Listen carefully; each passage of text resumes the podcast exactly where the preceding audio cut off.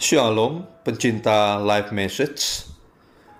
Kejadian pasal 32 ayat 31. Lalu tampaklah kepadanya matahari terbit ketika ia telah melewati Peniel dan Yakub pincang karena pangkal pahanya.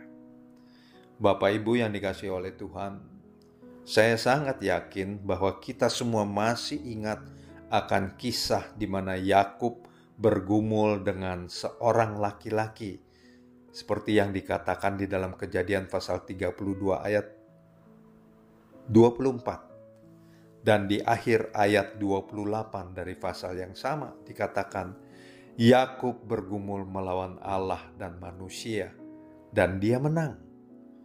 Saya tidak sedang membahas siapa laki-laki yang digambarkan di dalam ayat 24 tersebut atau bagaimana Yakub bisa menang dalam pergulatannya melawan laki-laki tersebut. Tetapi mari kita melihat akibat dari pergulatan tersebut yang menyebabkan Yakub menjadi cedera. Karena pincang, karena pangkal pahanya terlepas dari bongkolnya. Apakah ada hasilnya dari tanda lukanya itu? Jelas ada.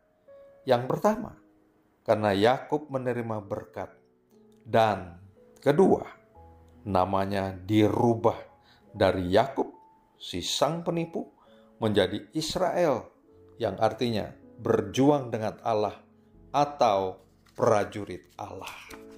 Nah, Bapak Ibu sekalian, dengan pincangnya Yakub menunjukkan kematian hidupnya yang lama masuk ke dalam hidup yang penuh dengan pembaruan yang datang daripada Allah, yaitu permulaan hidupnya yang baru bersama Allah. Berakhirnya nama Yakub dan berawalnya nama Israel.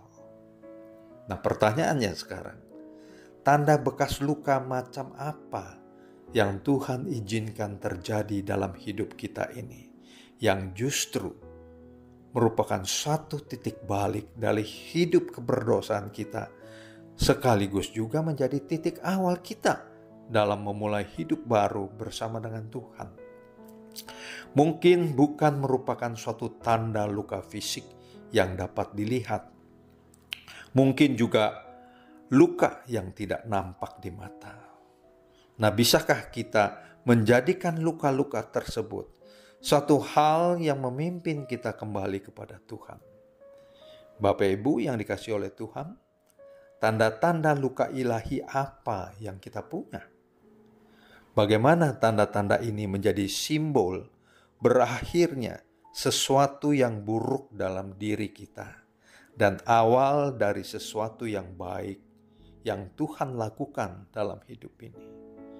Bapak Ibu yang dikasih oleh Tuhan, pada kesempatan ini mari kita renungkan kebaikan-kebaikan Tuhan dalam hidup kita ini selama ini apa yang sudah kita terima. Nah, jadikan Tuhan di dalam tahun yang depan ini suatu tahun di mana kita membuat terobosan-terobosan rohani yang berdampak dalam diri sendiri dan diri orang lain. Akhirnya, saya mau mengucapkan selamat tahun baru 2024. Tuhan Yesus memberkati kita sekalian. Amin.